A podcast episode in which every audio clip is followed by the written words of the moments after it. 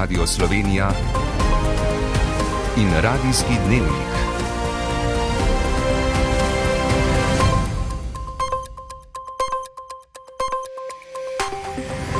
Ura je 18 in 30 minut.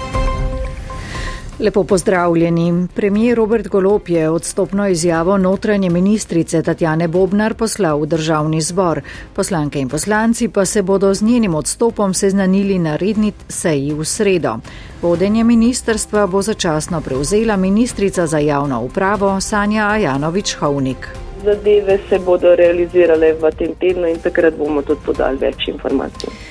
Gibanje Svoboda pa je danes zapustila Marta Kos, kot je povedala, je njen odstop neposredna podpora Tatjani Bobnar. Več po drugih povdarkih odaje. Novo ustanovljen državni svet za zdaj ostaja brez predsednika. Predsednica Evropskega parlamenta Mecola napovedala konec korupciji v parlamentu. Stopnjevanje napetosti na Kosovu, protesti, barikade, zaprte šole in mejna prehoda. Jutri sprva jasno, na to oblačno in mrzlo. Z vami sva Bernard Stramič in Enisa Brizani. V državnem zboru so, kot rečeno, prijeli obvestilo predsednika vlade Roberta Goloba o tem, da je ministrica za notranje zadeve Tatjana Bobnar odstopila z položaja. Državni zbor se bo s tem seznanil v sredo. Začasno bo vodenje notranjega ministerstva prevzela ministrica za javno upravo Sanja Ajanovič-Hovnik.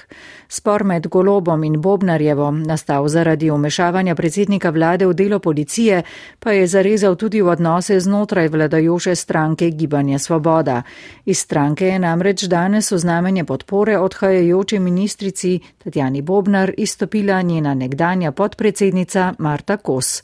Podrobneje Nataša Mulec. Z odstopom notranje ministrice Tatjane Bobnar, ki ga je ponudila zaradi političnega umešavanja predsednika vlade Roberta Goloba in njegove ekipe v delo policije, se bodo poslanke in poslanci seznanili na začetku redne seje državnega zbora v sredo, kot tudi s tem, da bo začasno za največ tri mesece vajeti notranjega ministerstva prevzela ministrica za javno upravo Sanja Janovič-Hovnik.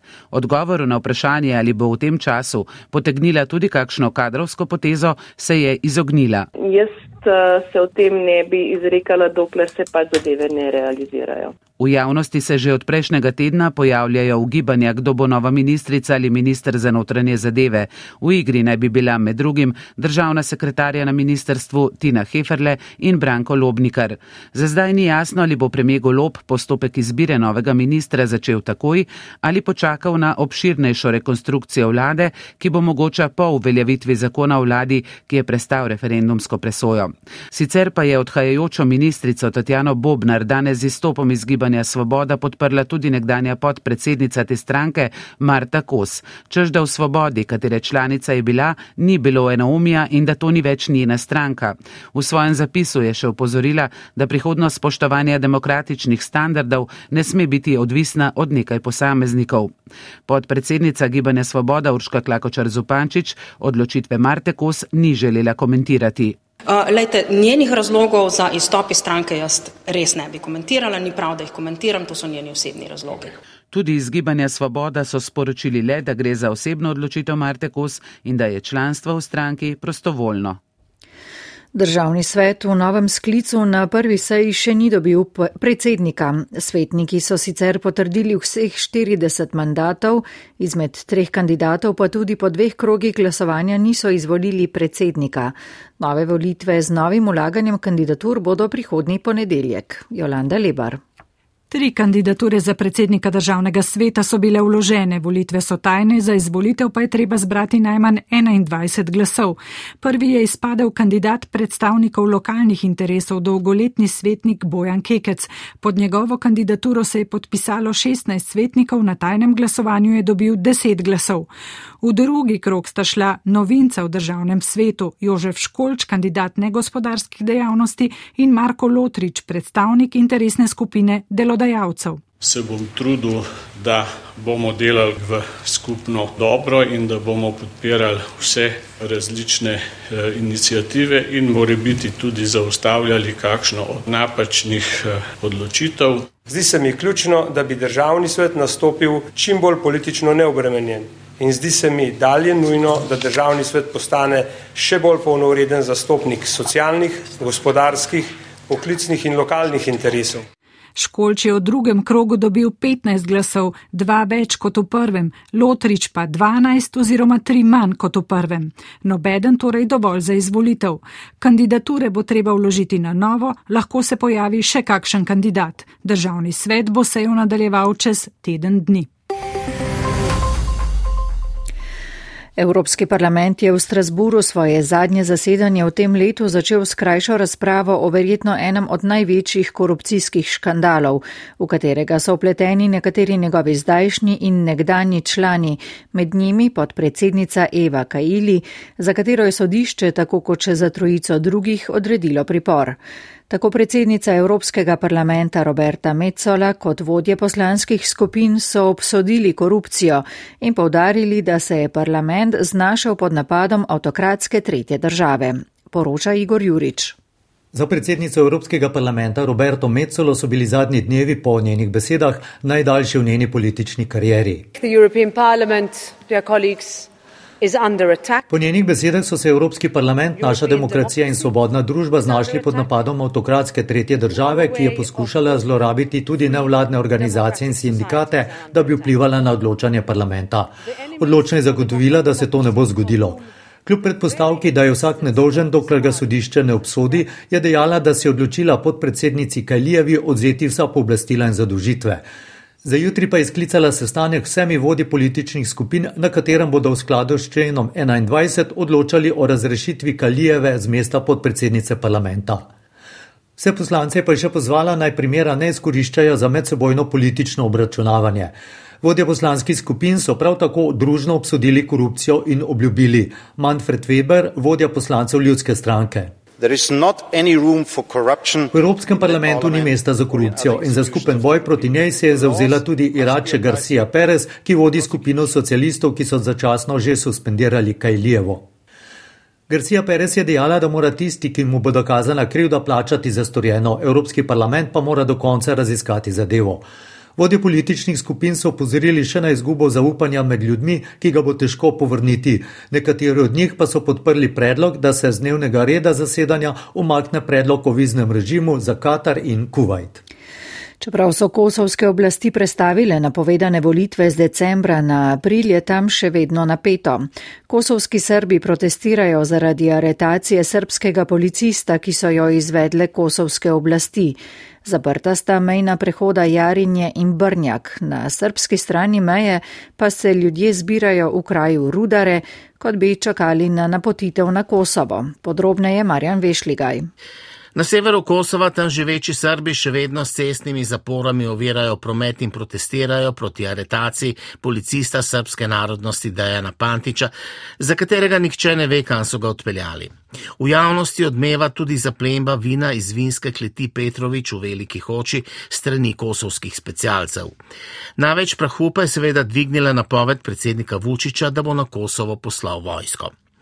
Po drugi formulaciji naj bi zaprosil KFOR za napotitev srpskih vojakov v okviru tega, kar naj bi že omogočala resolucija Varnostnega sveta Združenih narodov 1244. Medtem pa je rožljanje z orožjem obsodila nemška zunanja ministrica Anna Lena Berbok. Predsednik Vučić pa je odgovoril, da se oglaša še preden je KFOR karkoli zaprosil. No, ono što je za nas važno, to je da pozovemo Za nas je pomembno, da pozovemo tako Albance kot Srbe k ohranitvi miru. Še posebej Srbe pozivam, naj bodo mirni in naj ne nasedajo provokacijam, je dejal srpski predsednik. Glede napotitve vojske pa. A pre nego što bilo kakvo naređenje dobiju, osim uzbune. Preden dobijo kakršen koli ukaz razen dviga bojne pripravljenosti, bomo pred uporabo česar koli milijonkrat poskušali ohraniti mir in varnost naših državljanov. Tako se je še ena juha pojedla manj vroča, kot jo je skuhal Aleksandr Vučić. Sicer pa danes na Kosovu pričakujejo prihod ameriške delegacije pod vodstvom Gabriela Escobarja. Ruski predsednik Vladimir Putin ne bo imel tradicionalne letne novinarske konference, ki običajno poteka konec decembra. Ob tem v Kremlju niso navedli razloga za odpoved konferencije, na kateri bi bilo veliko vprašanj zagotovo povezanih z vojno v Ukrajini, ki traja že deset mesecev. Iz Moskve vlasta jeseničnik. Za novinarsko konferenco ruskega predsednika Putina je decembra lani vladalo izjemno zanimanje. Zahodni mediji so namreč poročali o kopičenju ruskih sil ob meji z Ukrajino in opozarjali, da Rusija pripravlja napad na to državo. Putin je na njej med drugim govoril o sporazumu o varnostnih zagotovilih z Zvezo NATO in ZDA, v katerem je Moskva zahtevala pravna zagotovila, da Ukrajina in druge države, ki so nastale po razpadu Sovjetske zveze, ne bodo postale članice zavezništva. Rezultati ankete, ki jo je konec novembra opravila neodvisna agencija za raziskave javnega mnenja Levada Center, kažejo, da deset mesecev po invaziji na Ukrajino tako imenovano vojaško operacijo kljub zahodnim sankcijam in mobilizaciji podpira kar 74 odstotkov vprašanih. Zaradi vojne so najbolj zaskrbljeni starejši od 55 let, delež ljudi, ki menijo, da bi se Moskva in Kijev morala začeti pogajati o končanju spopadov, pa se je nekoliko zmanjšal. Oktobra je mirovna pogajanja podpiralo 57 odstotkov Rusov, novembra pa 53 odstotkov. Antivojenne nastrojение есть, но Ljudje so proti vojni, ampak ni jih dovolj, da bi se vojna končala, meni sociolog centra Levada Levinson. Putin je pred dnevi dejal, da lahko vojna v Ukrajini, v kateri je do zdaj po navedbah Združenih narodov umrlo najmanj 6700 civilistov, traja še dolgo. Radijski dnevnik. Popovdne se je na redni seji sešel programski svet RTV Slovenija, ki je imel med drugim na mizi pobudo za prečasno razrešitev generalnega direktorja radiotelevizije Slovenija Andreja Graha Votmova. Njegovo razrešitev je predlagalo 12 od 29 programskih svetnikov. Toda programski svet pobude ni obravnaval, Grah Votmov je namreč bolniško odsoten in se tako danes ni mogel izreči o očitkih v pobudi za razrešitev. Večina programskih svetnikov je tako podprla predlog, da se točka umakne z dnevnega reda. Več Lucija Dimnik Rikič. Skupina programskih svetnikov Andreju Grahovotmovu očita blokado delovanja programskega sveta, kršitve poslovnika, opozarjajo pa tudi napadec zaupanja v javno RTV. Toda vsebinske razprave o teh očitkih na današnji seji, kot rečeno, ni bilo. Kot je programskim svetnikom pojasnil strokovni direktor za področje prava na RTV Drago Zadrgal, iz dveh pravnih mnen, ki so jih pridobili, izhaja, da mora imeti generalni direktor pravico, da se v razumnem roku izreče o očitkih v pobudi, predlog za razrešitev pa mu mora biti tudi osebno uročen. Predsednik programskega sveta Petr Gregorčič je zato na začetku seje predlagal, da se ta točka umakne iz dnevnega reda, ob tem je še pojasnil. Sem v petek uredil postopek uročitve predloga za prečasno razrešitev generalnega direktorja. Skladno z mnenjem sem določil, da ima generalni direktor po uročitvi predloga 8 dni časa, da se o navedbah izjavi. Skupina programskih svetnikov, ki je dala pobudo za razrešitev, je prepričana, da gre za izogibanje generalnega direktorja in za pravno izigravanje. Programski svetnik Gregor Trnovšek. Da je res nenavadno, kako imamo ravno s tem generalnim direktorjem stalno neke pravne kolobocije. Tudi če se spomnimo njegovega odstopa, pa potem takojšnjega imenovanja in ne vem kaj še vse. Vse se je vrtelo na pravnih podlagah, pravnih preigravanjih. Programski svet se mora držati postopka, pa je dejal programski svetnik Ivan Štuhec. Gospoda Graha danes ni tu. O njem govoriti ne samo, da ni olikano, ampak je pravno vprašljivo. Večina programskih svetnikov je tako glasovala za umik te točke, dokler se ne izteče rok, v katerem se Andrej Grah Votmov lahko izreče o očitkih v pobudi za njegovo razrešitev. V 85. letu je umrl Lado Kralj, slovenski literarni in gledališki kritik, teatrolog, dramaturg, urednik, prevajalec in pisatelj. Poklicno pot je začel na RTV Slovenija. Bil je soustanovitelj in prvi umetniški vodja eksperimentalnega gledališča Glej, štiri leta pa umetniški vodja ljubljanske drame. Več let je bil pedagog tako na Akademiji za gledališče, radio, film in televizijo kot na filozofski fakulteti. Napisal je štiri strokovne monografije in tri leposlovne knjige. Za zbirko kratke proze Kosec Kosobrusi je leta 2010 dobil nagrado za najboljši prvenec in fabulo. Čez štiri leta je objavil roman Če delaš omleto in z letošnjo letnico roman Ne bom se več drsal na Bajerju. Društvo gledaliških kritikov in teatrologov mu je leta 2020 podelilo nagrado za življensko delo. Državni zbor se bo z odstopom notranje ministrice Tatjane Bobnar seznanil na svoji redni seji v sredo. Ministrstvo pa bo začasno prevzela ministrica za javno upravo Sanja Janovič Havnik.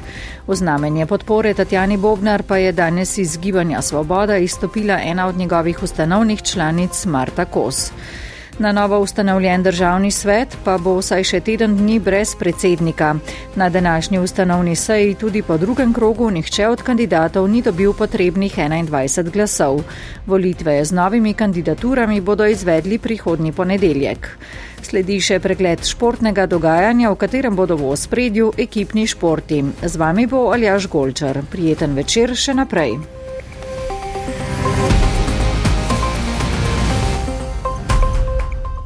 Na svetovnem nogometnem prvenstvu je danes zadnji prost dan pred začetkom polfinala, v katerem se bosta jutri pomerili Argentina in Hrvaška, v sredo pa Francija in Maroko. Maroška letalska družba bo do obračuna v Doho poslala 30 poletov z navijači. V državnem nogometnem prvenstvu pa bo stekmo med Muro in Domžalami danes končan 21. krok. Prvi polčas so z ena proti nič dobili Domžalčani, ki so na šestem mestu lestvice, Mura je dan začela na petem mestu. V košarkarskem državnem prvenstvu poteka predzadnja tekma desetega kroga, v Laškem merita moči na lestvici zadnji Zlatorok in tretji Tajfun. V severnoameriški ligi NBA je Davi Goran Dragič upisal dve točki in šest podaj ob tesnem porazu Chicaga z Atlanto 123 proti 122, v noči na jutri pa bo Dallas Luke Dončiča igral z Oklahomo. Še ostajamo pri ekipnih športih. Selektor slovenske moške rokometne reprezentance Uroš Zorman je objavil seznam reprezentantov, ki bodo po božičnih praznikih začeli s pripravami na svetovno prvenstvo, ki ga bosta januarja gostili Švedska in Poljska. V slovenski izbrani vrsti bodo zaradi poškodb manjkali Miha Zarabec, Matej Gaber in Gašpr Marguč, o poklicanih in manjkajočih selektor Uroš Zorman. Nijo mi neke baze, ne vem koliko velik, da bi lahko to mi črpali, da je čisto vse, eh, kako pa kaj, ampak uh, eni imajo zdravstvene probleme in tako naprej. In, uh, kle, uh, jaz smer pravim, prvo je zdravje in uh, potem šele rečemo temu šport. In uh, najbolj važno je, uh, da se ozremo na tiste, ki so na seznamu in da te, ki želijo in da, da naredimo skupaj eno pravo atmosfero oziroma kemijo in uh, borbamo do konca. Združenje teniških igralk VTA je za najboljšo igralko leta izbralo Igo Šviontek prvo na jakostni lestvici. Poljakinja je bila prvič izbrana za igralko leta, ob dveh osvojenih Grand Slamih je imela letos niz kar 37 zaporednih zmag. V konkurenci dvojic sta bili za najboljši izbrani Čehini Barbara Krečikova in Katerina Sinjakova.